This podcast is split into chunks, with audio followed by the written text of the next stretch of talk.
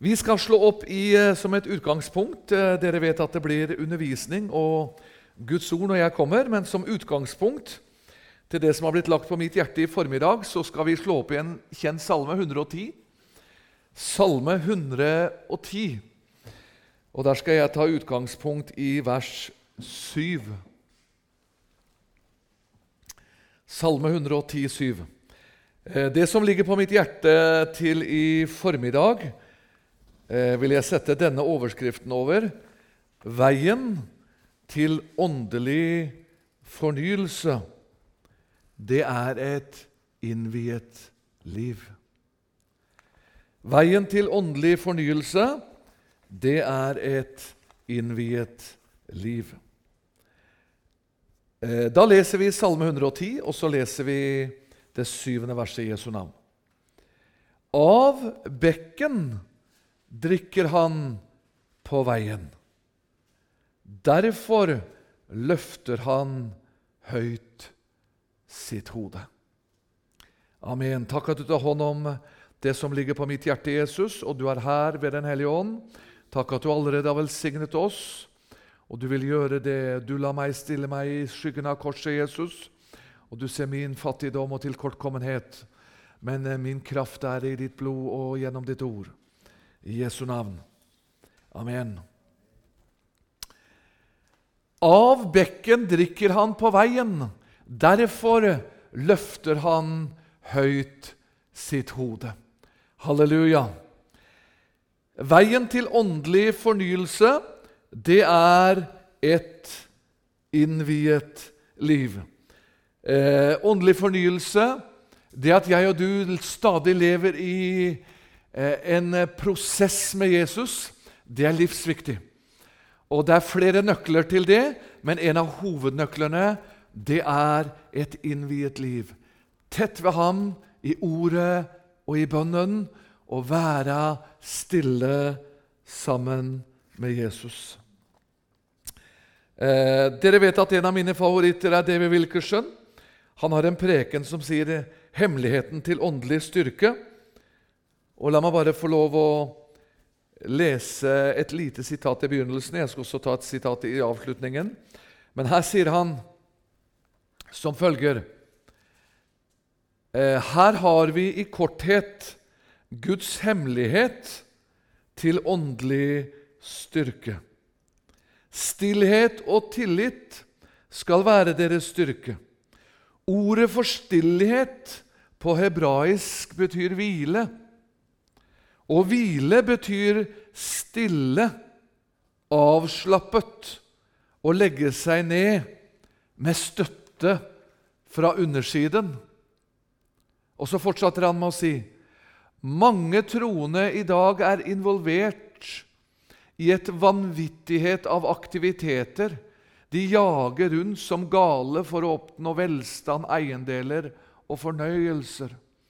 Selv i tjenesten løper Guds, tjeneste, Guds tjenere rundt omkring og bekymrer seg, frykter og leter etter svar på konferanser, seminarer og bestselgende bøker. Alle vil ha råd, løsninger, noe som kan roe dem ned. Allikevel, hør, søker de det i alle andre kilder enn å søke det i Herren. De er ikke klar over at Gud allerede har talt et ord for dem, f.eks. gjennom Jesajas. Dersom de ikke venner seg til ham som sin kilde, så vil deres strev ende opp i forvirring og sorg. Og Jesaja skriver rettferdighetens verk skal være fred, og rettferdighetens frukt skal være ro og trygghet til evig tid. Den hellige ånd, så avslutter han med å si her i begynnelsen av mitt sitat her, Den hellige ånd gir oss styrke hør nå, når vi overgir alle våre behov i Guds hender og stoler på Hans makt. Venner, der er vår tillit, og der er vår styrke. Vi er ved bekken, vi er i kilden, vi hviler hos Jesus. Vi har så mye stressende kristendom i dag, så mye masete kristendom i dag. Men venner, hovedkilden vår det er å være i Guds ord. Det er å være i bønnen. Og så er det noen som er høylytt, og så er det noen som er stille, og så er det noen som beveger seg mye, og så er det noen som sitter rolig.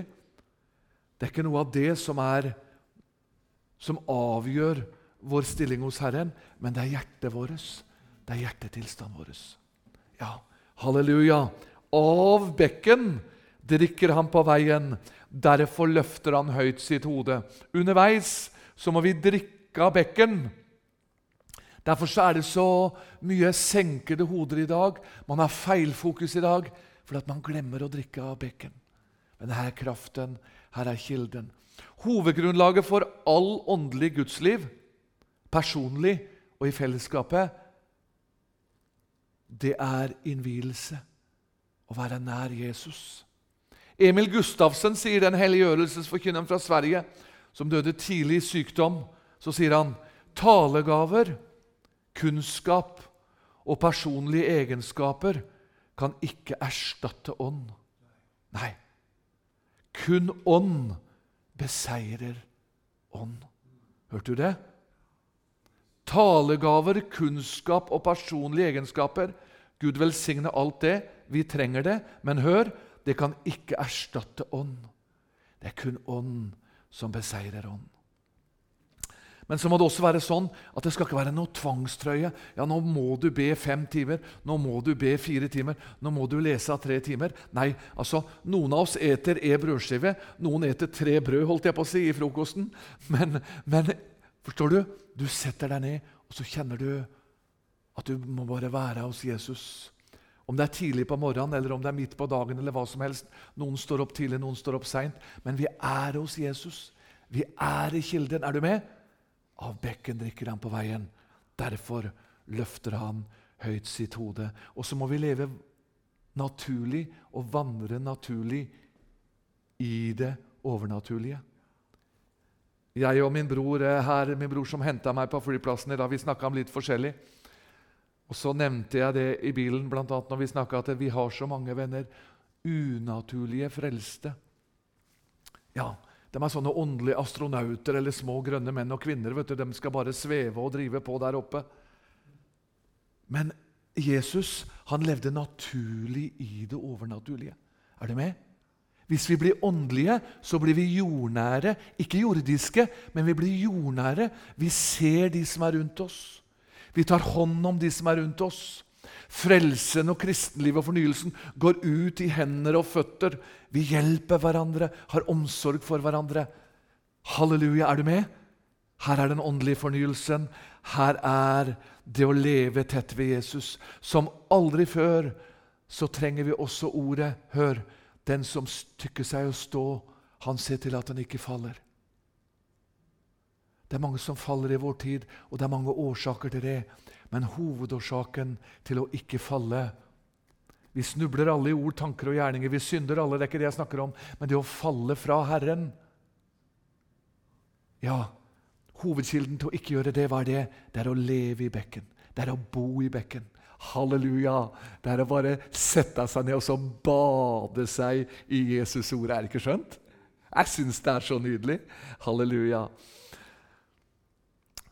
Hva kommer det deg ved, sa Jesus til eh, Peter. Kom du og følg meg. Venner, det er også et av feilfokusene i dag. Vi er så opptatt med hverandre og rundt omkring det som skjer. Vi skal se ting, vi skal observere ting, vi skal være klar over ting, men hovedfokuset vårt det er i kilden. Det er i bekken. Halleluja! Veien til åndelig fornyelse det er et innviet liv. Og Så skal vi inn i Guds ord og så skal vi se noen hemmeligheter helt ifra Det gamle testamentet. Dere vet Jeg elsker Det gamle testamentet akkurat like mye som det nye, for jeg elsker hele Bibelen. Og Jeg er opplært med dette med mine veiledere. Den som taler, han taler som Guds ord. Du som eh, ikke kjenner din bibel, studer Det gamle testamentet. Du ser masse bilder på Kristus eh, og menighetsliv. Første Mosebok 12 skal vi slå opp først. Første Mosebok 12. Her ser vi et bilde på kilden, på bekken, på fornyelsen. Hovedårsaken til det. Første Mosebok 12. Der leser jeg vers 7 og 8. Du som ikke har din bibel med, noter gjerne ned, så får du med deg noen matpakker hjem så du kan ha utover i uka. Da blir du ikke arbeidsledig, vet du. Første Mosebok 12, 7 og 8. Hør. Da åpenbarte Herren seg for Abraham og sa, og han bygget der et alter for Herren, som hadde åpenbaret seg for ham. Derfra flyttet han til fjellene østenfor Betel og slo sitt telt med Betel i vest og Ai i øst. Og han bygget der et alter for Herren. Og så påkalte han Herrens navn.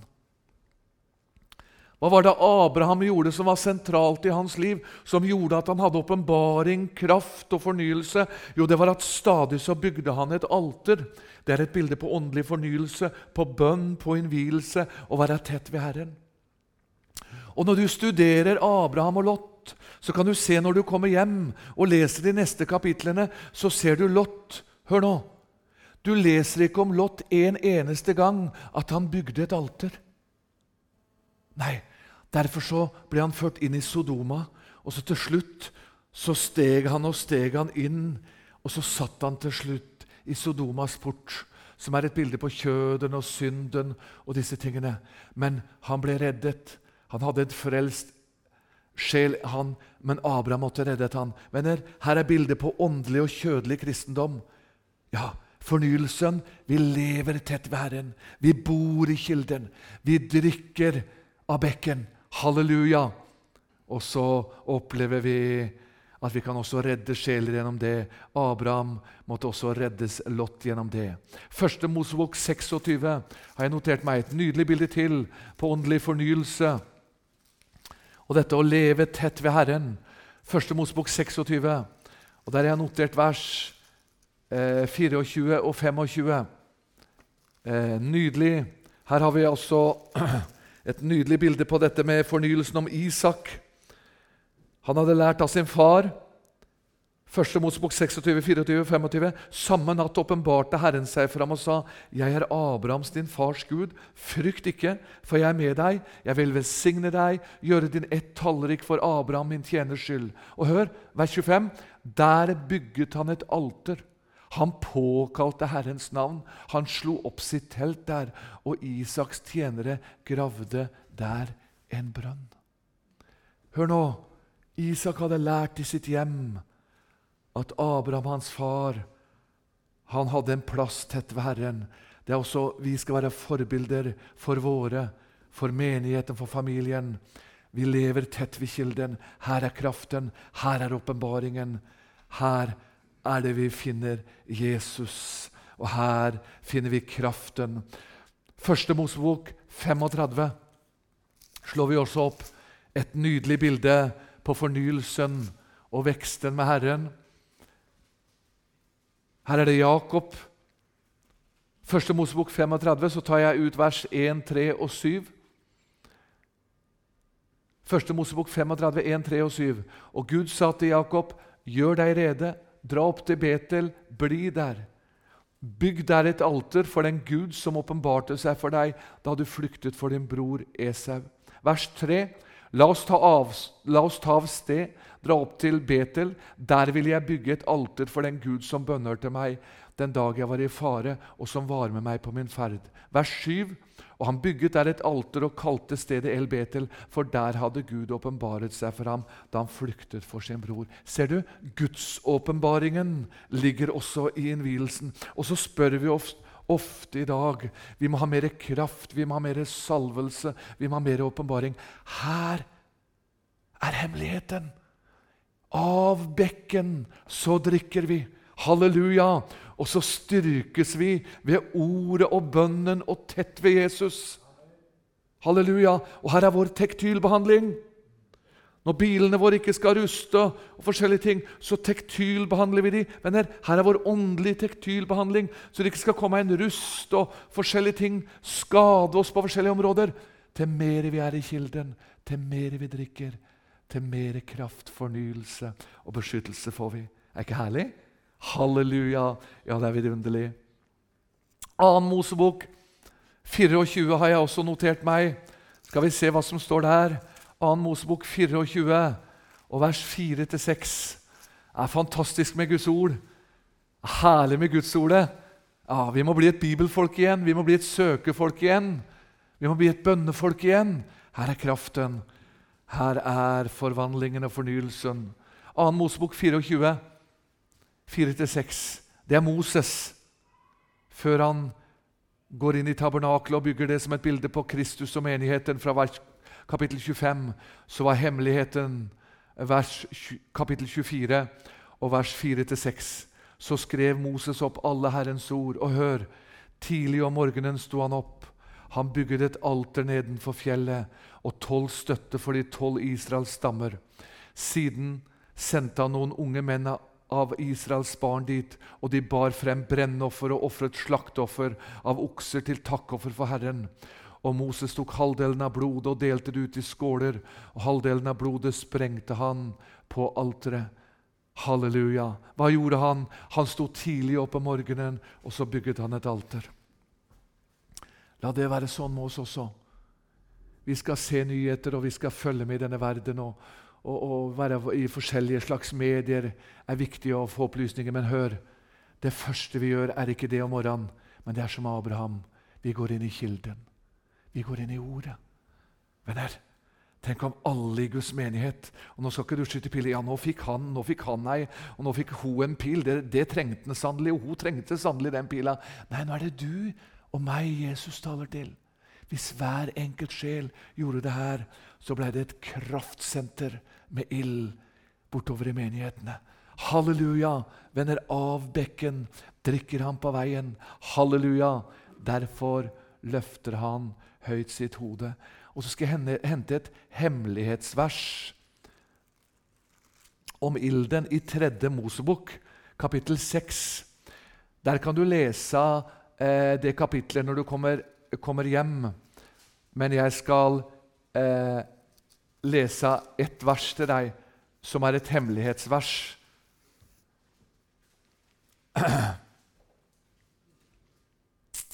Eller to vers skal jeg lese.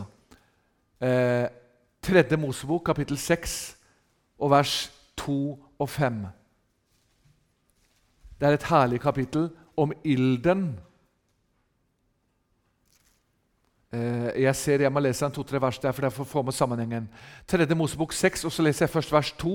Byd Aron og hans sønner å si, hør, dette er loven om brennofferet. Brennofferet skal ligge på sitt bål på alteret hele natten til om morgenen, og således skal alterilden holdes brennende.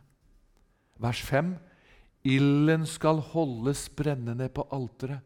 Den må ikke slukne. Hver morgen skal presten legge ny ved på ilden og legge brennofferet til rette på den og brenne takkofferet, fettstykker på den. Og hør vers 6. En stadig ild skal holdes tent på alteret. Den må ikke slukne. Venner, det er Herrens ord til oss. Vi må ligge på Herrens alter gjennom ordet og bønnen, så Den hellige ånds ild ikke slukner. Venner, om du ikke gjør det om morgenen, om du er for trøtt til å gjøre det, så la hvert fall gjør det som er naturlig deg i løpet av dagen. Gå inn i lønnkammeret, som Jesus sier. Lokk din dør, og så er du der, så ilden må holdes brennende. Om det er fem minutter, eller om det er én time, eller en halvtime eller 20 minutter, hva det er, det er ikke det som er hovedpoenget, men at du lever tett ved Herren. At du stadig er hos Han gjennom ordet, bønnen, andagsbok, andre ting. Du er hos Jesus. Er du med? Halleluja! Vi opplever at da, da drikker vi av bekken, og så fornyer vi. Halleluja. Første Samuel bok. Det er en kjent beretning, men det er et nøkkelvers. Jeg er innom det rett som det er i forskjellige ting. Men her jeg må ta det igjen. Her er hemmeligheten til denne lille David og denne svære Goliat. Bekken er alltid et bilde på Kristus. Kilden er det, klippen er det i Det gamle testamentet. Vi skal gå inn på forskjellige områder om det også utover i møtene vi skal ha. 1. Samuel 17 og vers 40. Et nydelig vers. David han prøvde Sauls drakt. Den måtte han legge seg av. Vi prøver mange drakter i menigheten, kristenheten, for å få til vekkelse og kraft og seier over fienden. Men David, hva gjorde han? Vers 40. Han tok staven i hånden, 1. Samuel 1740. Han tok staven i hånden, og så søkte han seg ut. Fem glatte stener i bekken. Dem la han i hyrdetasken som han hadde med seg, sin slynge i hånden, og så gikk han mot filisteren. Og Så skal ikke jeg gå inn i beretningen, for jeg ikke tid til, men hør. Hvor var det han fant seiersvåpenet hen? Hvor var det? Jo, det vi leste om i Salme 110, det var i bekken. Det var i bekken. Han søkte seg ut. Hør! Han tok det ikke på måfå. Han tok det ikke på tilfeldig, men han søkte seg ut. Om han fant de rette stenene. Du må ikke ta bare det høres om Gud og Jesus, så må ikke du ta altfor god fisk. Men du må søke deg ut og finne det i kilden i Jesus. Det er bare én Jesus til frelse. Det er bare én vei til himmelen. Det er gjennom Jesus. Og så brukte han bare én sten. Er du med? Så slengte han den, og så måtte Goliat falle. Her er mange åndelige bilder som vi ikke har tid til å gå inn på. Det var fire stener igjen. Vet du hva det blant annet er et bilde på? Apostelgjengene 2.42. Apostlenes lære, samfunnet, brødsbrytelsen og bønnene. Og så har du fire piraler i huset, og så har du fire forskjellige masse ting. Men der, ser du de åndelige bildene? I bekken. Her er hemmeligheten. Her er kraft. Er det ikke herlig med Guds ord? Det er salig. Nei, det er så tørt og kjedelig med Guds ord. Det der gidder ikke jeg. Det er ikke noe rart at du ikke har åpenbaring og kraft da. Det er ikke noe rart. Altså, Guds ord, Noen sier at ja, men skal jeg lese Guds ord, så må det liksom, da må jeg liksom kjenne veldig salighet i det jeg begynner å lese. Jeg må liksom rystes, og jeg må liksom Wow! Nei. Noen ganger når jeg leser Guds ord, unnskyld uttrykket, men, men, for å bruke det uttrykket, så er det nesten som jeg eter knekkebrød. Jeg kjenner ikke og føler ikke. Andre ganger så kan jeg få Guds åpenbaring. Mange ganger så, så kjenner ikke jeg føler noen ting, men jeg leser det. For det er levende, det er kraftig, det er Guds ord. Halleluja! Og så fyller jeg meg med det. Er du med? Og plutselig så åpenbares Gud Skriften, og så blir ting levende for deg. Så går det en halvtime, så går det to halvtimer, og så går det tre timer. og så går det, Plutselig skulle jeg gjort så mye, så jeg sitter igjen tre-fire-fem timer. Halleluja, hva er det for noe? Det er kilden. Det er bekken. Det er kraften. Er ikke herlig? Det er salig å være frelst. Halleluja. Dommernes bok er det også en nydelig beretning om kraften og fornyelsen. Dommernes bok det er om eh, Samson. Det er en herlig beretning om Samson. Og Det er vidunderlig å lese. Det går tilbake i Dommernes bok, bakover etter kapittel 15. Og Så leser jeg vers 18 og 19. Bare tar ut to vers. Hør. Tørster du etter Jesus? Lengter du etter Jesus? Lengter du etter kraft? Lengter du etter visdom? Lengter du etter åpenbaring? Osv. osv. Her er løsningen. Hør. Dommerne 15, vers 18 og 19. Da Samson var brennende tørst Hør. Da ropte han til Herren, og så sa han, Du har gitt denne store frelse ved din tjeners hånd. Så skal jeg nå dø av tørst og falle i de uomskårne sender. Altså, Han var motløs. Vi ser i dette verset han var motløs. Han, han var liksom kraftløs. Men Gud var med han, men han søkte riktig. Og så står det vers 19.: Da lot Gud den hulning som er i Leki, åpne seg, og det rant vann ut av den, og han drakk. Halleluja, så hva står det? Så stivnet han til. Nei, hans livsånd vendte tilbake, og han kviknet til. Derfor ble denne kilde kalt en hekori. Det er i leker en dag i dag. Denne kilden er et bilde på Golgata, på fornyelsen, på Jesus. Han kvikna til. Vi lever i midnattstiden hvor jomfruene sovner inn fordi man ikke lever i kilden. Er du med? Er du med? Ja. Har du et tørstende hjerte etter forskjellige ting med Jesus? Ja, men da må du gå dit hvor det er å finne. Jeg var helt nyfrelst, eh, eller ganske ny som evangelist. Så kom jeg i en menighet i Telemark, så var det en sånn gammel høvding.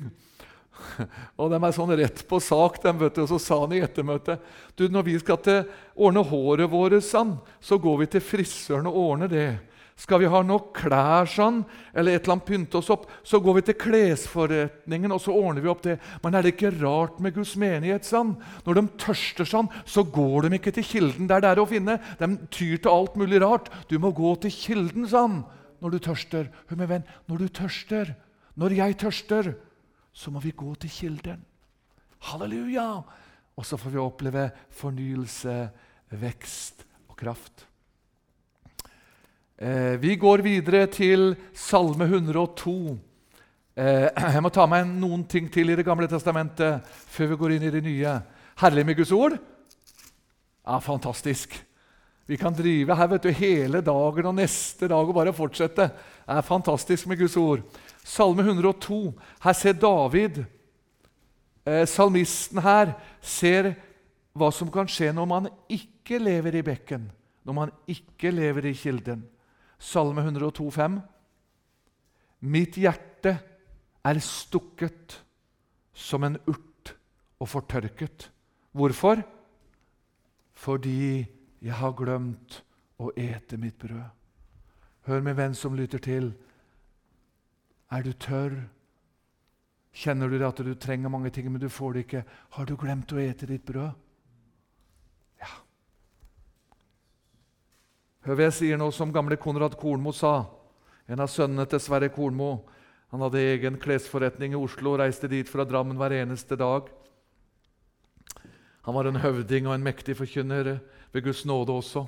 Så sier han på sin særegne måte når han preker Jeg har hatt den der jeg har vært pastor og forkynner før han døde og reiste hjem.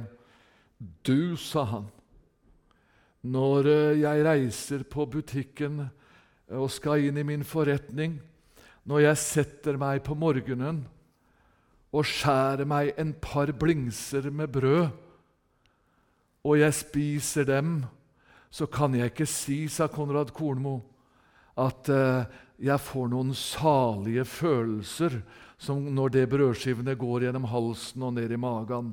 Men det er det jeg lever av, sa han. Det er det jeg lever av. Hørte du?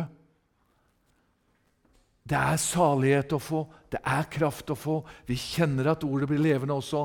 Men om ikke det blir det ofte, så er det dette vi lever av. Her er kraften, her er fornyelsen, her er forvandlingen. Halleluja!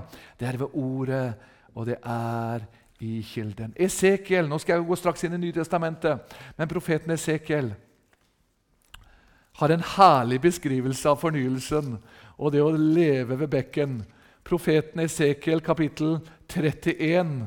Der er det en nydelig bilde på kilden.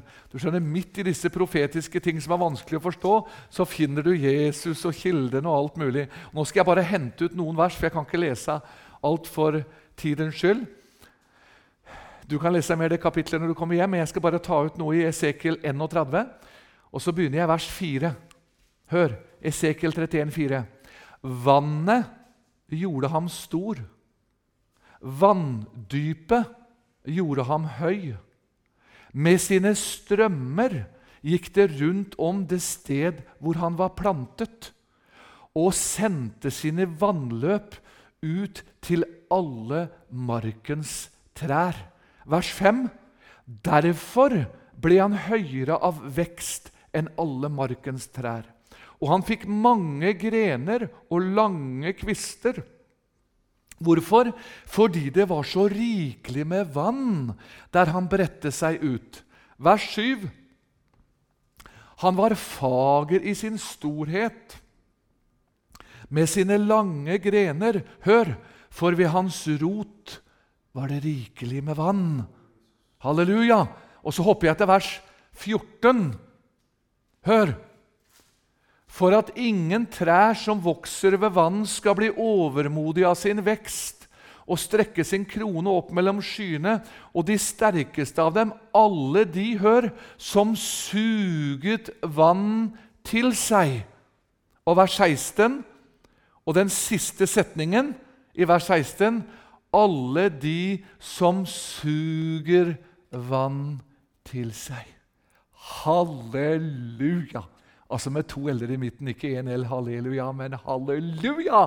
Her er et bilde på åndelig vekst. Vannet er et bilde på Kristus og kilden. Hva var det for noe? Det var vekst. Det var rikelig med vann. Kvistene bredte seg ut. Halleluja! Og der hvor han sto, var det masse vann. Hør, der hvor du sitter eller står i ditt kristenliv, har du mye vann, eller har du bare dråper? Ja. Venner, det er blodet som frelser, det er Golgata som frelser. Men fornyelsen, den ligger i Guds ord, den ligger i innvielsen. Det å bli sterk, det å oppleve mer av Kristus. Det ligger i bønnen, ordet. Halleluja!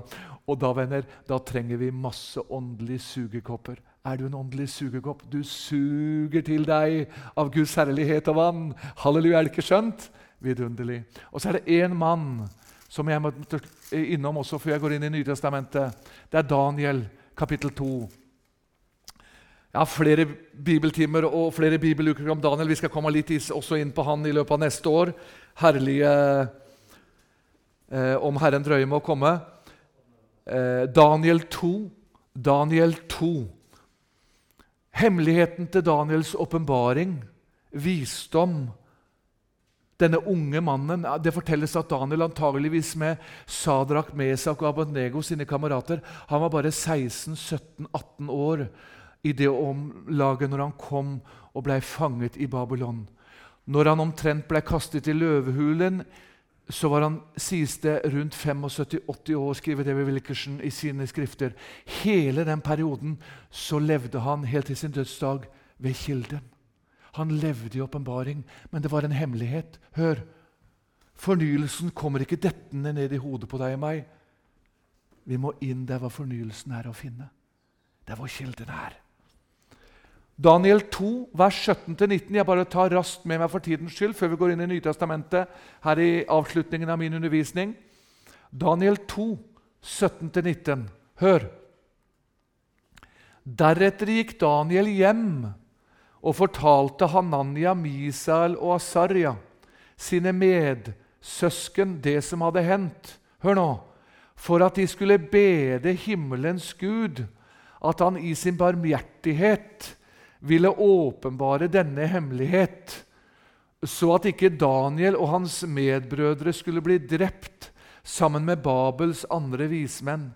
Da ble hemmeligheten åpenbaret Daniel i et syn, og Daniel priste himmelens Gud. Hvorfor fikk han åpenbaring? Hvorfor fikk han tydningen? Det står han levde tett ved Herren i bønn.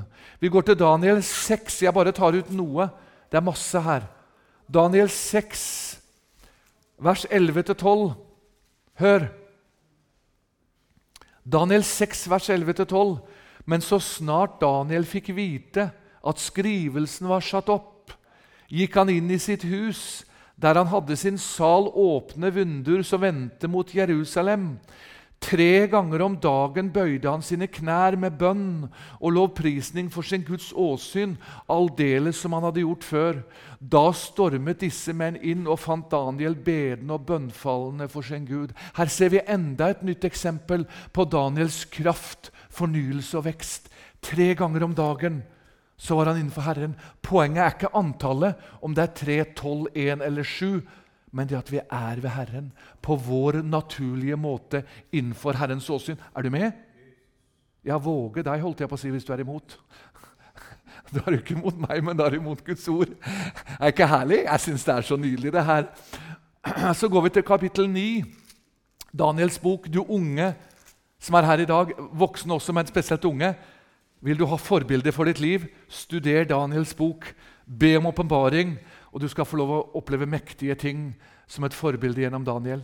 Daniel 9,3. Hør! Da vendte jeg mitt ansikt til Gud Herren for å søke ham med bønn, ydmyke begjæringer, under faste og i sekk og aske. Og så leser jeg også kapittel 10 og vers 2-3 vers 2 til slutt. Eh, 2 og 12. 2, 3 og 12. Daniel 10, 2, 3 og 12. Hør. På den tid Du kan lese hele kapitlet når du kommer hjem, spesielt kapittel 10. Men Daniel 10, 2, 3 og 12 leser jeg. På den tid hadde jeg Daniel sørget i tre uker. Han hadde bønn og faste i tre uker. Noen kostelig mat åt jeg ikke. Kjøtt og vin kom ikke i min munn. Heller ikke salvet jeg meg før de tre uker var til ende. Vers 12. Han sa til meg, 'Frykt ikke, Daniel. Fra den første dag du venter din hud til å vinne forstand, til å ydmyke deg. For din Guds åsyn er dine ord blitt hørt, og for dine ords skyld er jeg kommet. Halleluja. Dette var Daniel. Hør, min venn. Bare for la meg få lov å avrunde før jeg går inn i Nytestamentet. Mange ting vi kunne ha kommentert, men jeg skal ikke gjøre det. Men jeg skal ta med én ting. Du og jeg kan si 'Jeg har ikke så mye tid'. Jeg har så mye å gjøre. Det hender også vi som ledere og forstandere og lederskap kan si vi har så mye å gjøre. Ja, men vi må ta oss tid. Er du med? Hvis vi ikke tar oss tid. Vet du, Daniel han var satt over hele landskapet Babel. Han var nest under kongen, som eh, hvis vi skal kalle det i dag, så blir det en president eller en statsminister. Var Daniel innsatt av Gud? Det går an å være i den politiske verden og profane verden og være et mektig redskap for Gud. Men du må ta deg tid til Herren. Og gjennom det var Daniel en mektig profet. Han fikk påvirke tre konger og familie og lederskap, og mange av de ble frelst leser vi når vi studerer historien. Hvorfor? Han levde i fornyelsen. Han levde i bønnen. Han levde ved bekken. Av bekken drikker han på veien. Derfor løfter han høyt sitt hode. Halleluja. Vi går inn i Det nye testamentet. Jeg skal avrunde nå, men jeg må ha med meg litt inn i Nye testamentet, som også nydelig bilde på bekken og fornyelsen, et innviet liv. Kolossenserne 3.16 det er et herlig vers om fornyelsen og det å leve i bekken. Paulus brev til kolossenserne, kapittel 3 og vers 16. Hør så nydelig. Paulus underviser og viser oss hemmeligheten, bl.a. en av hemmelighetene til åndelig fornyelse, Kolossenserne 16. La Kristi ord bo rikelig hos dere, så dere lærer å formane hverandre med all visdom, med salmer, lovsanger, åndelige viser og synger yndig i deres hjerter for Gud. Vil du synge yndig, vil du ha lovsanger og åndelig visdom, hva gjør du da? Da lar du Kristi ord bo rikelig hos deg. Da lever vi tett ved kilden. Halleluja! Og så er vi en vannrik have for Jesus og himmelen. Halleluja! Sinnet vårt fornyes ved Guds ord. Romerne 12,2. Eh, la oss lese det første brevet til Paulus. Jeg går fort igjennom her nå, litt raskere for tidens skyld. Men det er et herlig vers også i Romerbrevet 12 og vers 2. Paulus brev til romerne 12,2. Sikt dere ikke like med denne verden, men hør, bli forvandlet ved fornyelsen av deres sinn, så dere kan prøve hva som er Guds vilje, det gode, velbehagelige og fullkomne. Ved fornyelsen av vårt sinn må vi bli forvandlet. Hør, min venn, nå.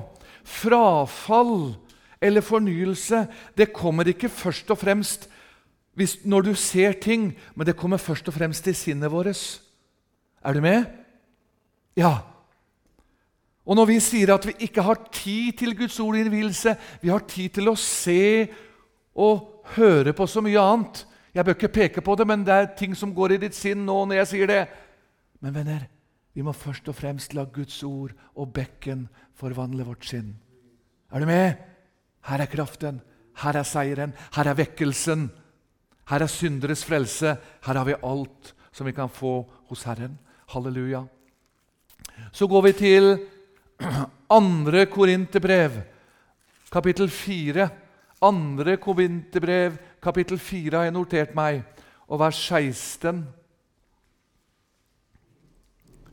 Andre Korinterbrev 4 og vers 16.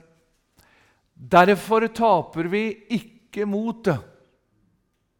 Men om òg vårt utvortes menneske går til grunne Hør nå så fornyes dog det innvortes dag for dag.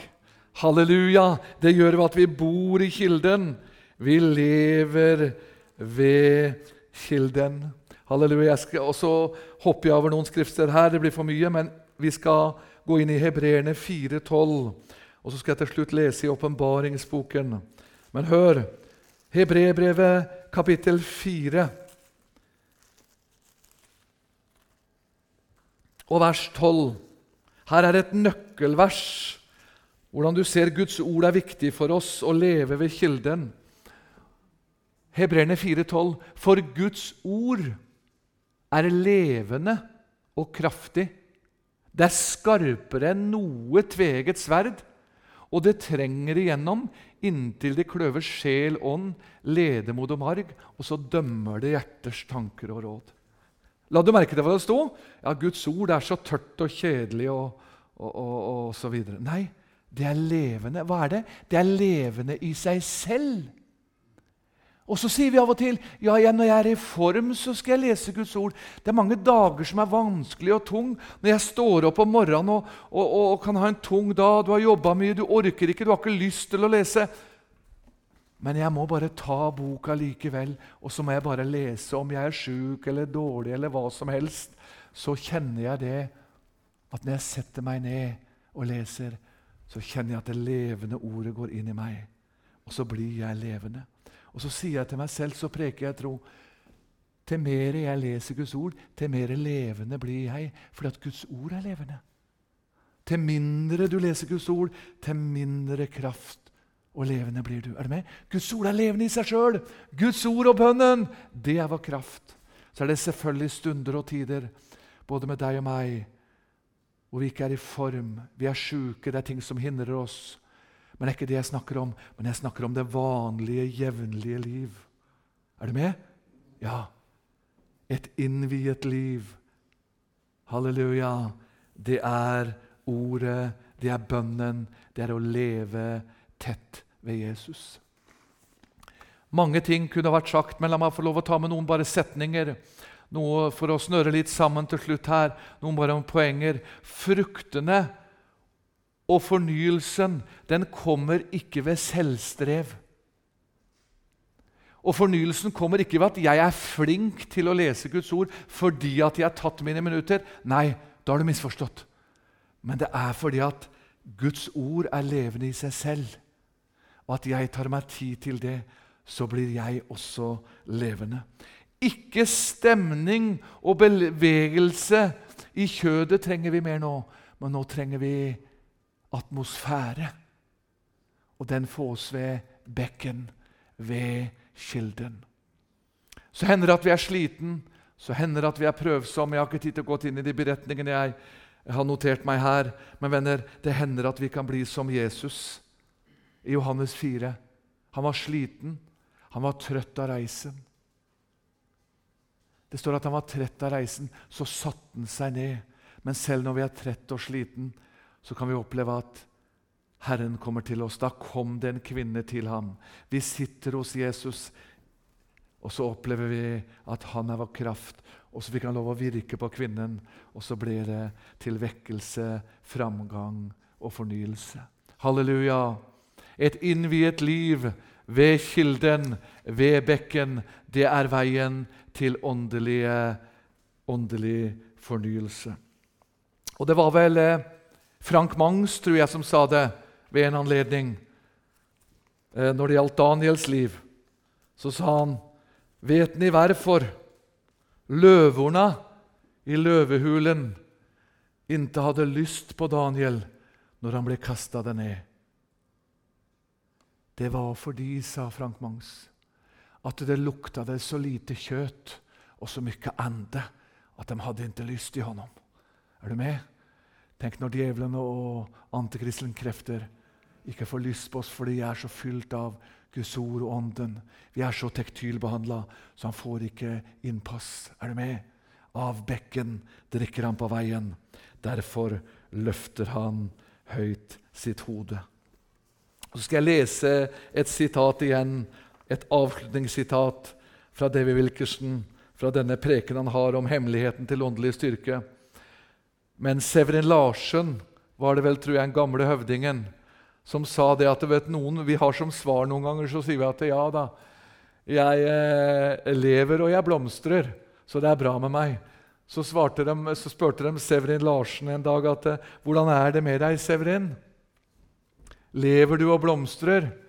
Jeg ikke bare lever og blomstrer, sann, men jeg gir vekst også, jeg, sann. Ja. Er du med? Skal, vi, skal det bli frukt hos oss og gi vekst? Ja vel. Da må vi være der hvor veksten er å finne. Vi må bo i kilden. Vi må bygge i bekken. Halleluja! Her er vår kraft. Her er vår seier til åndelig fornyelse og vekst. Nå runder jeg tre kvarter som en skoletime, så nå skal jeg gi meg. Men hør, så sier han David Wilkerson så sier han et budskap til endetidens menighet. Legg nøye merke til hva David Wilkerson sier her om tiden vi lever i, men samtidig hvor hemmeligheten til kraften er. Hør nå. I Judas brev leser vi om en fremtid i dag som er ond. At Gud vil komme med titusener av sine hellige for å utføre dommen over alle ugudelige handlinger. Judas profeterte at menneskene ville bli overgitt til sine urene lyster bli spottere, skumme sin egen skam. Dette vil innbefatte et samfunn med fremmed kjød, med homoseksualitet. I Amerika i dag er det masse moralske ting som florerer. Satan spyr alle helvetes avskyeligheter utover menneskeheten. Bibelen advarer mot at djevelen vil prøve å forføre Guds utvalgte. Jeg sier deg Hør hva han sier for noe nå til Guds menighet. Hør nå. Jeg sier deg, uansett hvor korrupt denne verden blir i dagene som ligger foran, uansett hvor djevelsk TV, film og media blir, uansett hvor mye djeveltilbedelsen øker, uansett hvor langt de homoseksuelle presser sin dagsorden over samfunnet, uansett om djevelen selv vandrer rundt i våre gater Hør! Så kommer Gud til å bevare sine barn. Han kommer til å bevare for seg selv et helliggjort, elsket folk. Han vil bevare dem fra det onde, og de vil bli sterke i troen og gudsfrykten, mens de ugudelige stormer mot ødeleggelsen. Hør, avslutter han med å si. Hør ordet fra Herren. Må Han selv, fredens Gud, hellige dere helt igjennom, og må deres ånd, sjel og legeme bevares fullkomne, ulastelige ved vår Herre Jesu komme. Han er trofast som skal, kalte dere, han skal gjøre det. Ja, David sier, 'Herren forlater ikke sine fromme'. Til evig tid blir de bevart. Du, Herre, vil bevare dem. Du vil vokte dem, slekt etter slekt. Og så avslutter David Wilkerson med å si La denne bønnen fra apostelen Paulus bli din og min i disse endetidsdager. Herren skal fri meg fra all ond gjerning. Han skal frelse meg inn i sitt himmelske rike. Ham være æren i all evighet. Så fry dere, Guds menighet. Gud har svervet en pakt ved Golgata og blodet. Han skal bevare oss. Han skal vokte oss, og vi som stoler fullt og helt på ham. Amen. Av bekken drikker han på veien. Derfor løfter han høyt sitt hode. Her er vår fornyelse og vekst og innvielse. Halleluja. Til å bli bevart. Herre, vi priser deg, takker deg, Jesus, for at du, Herre, du gir oss skiltene etter veien. Når vi kjører bilen, når vi går, så har du her nede gitt oss forordninger så vi skal klare å gå den rette vei. Ikke for å være slem og stygg mot oss, men for at vi ikke skal bli skada og ødelagte, så fins det skilt og forordninger. Slik er det også på det åndelige områder. Du har gitt oss forordninger for å leve et sterkt kristenliv i fornyelse og vekst. Takk at du har vist en liten bit av det i formiddag til oss alle sammen. Halleluja. Takk, Jesus, at vi får drikke av bekken. Du beskytter oss med ditt blod. I Jesu navn. Amen.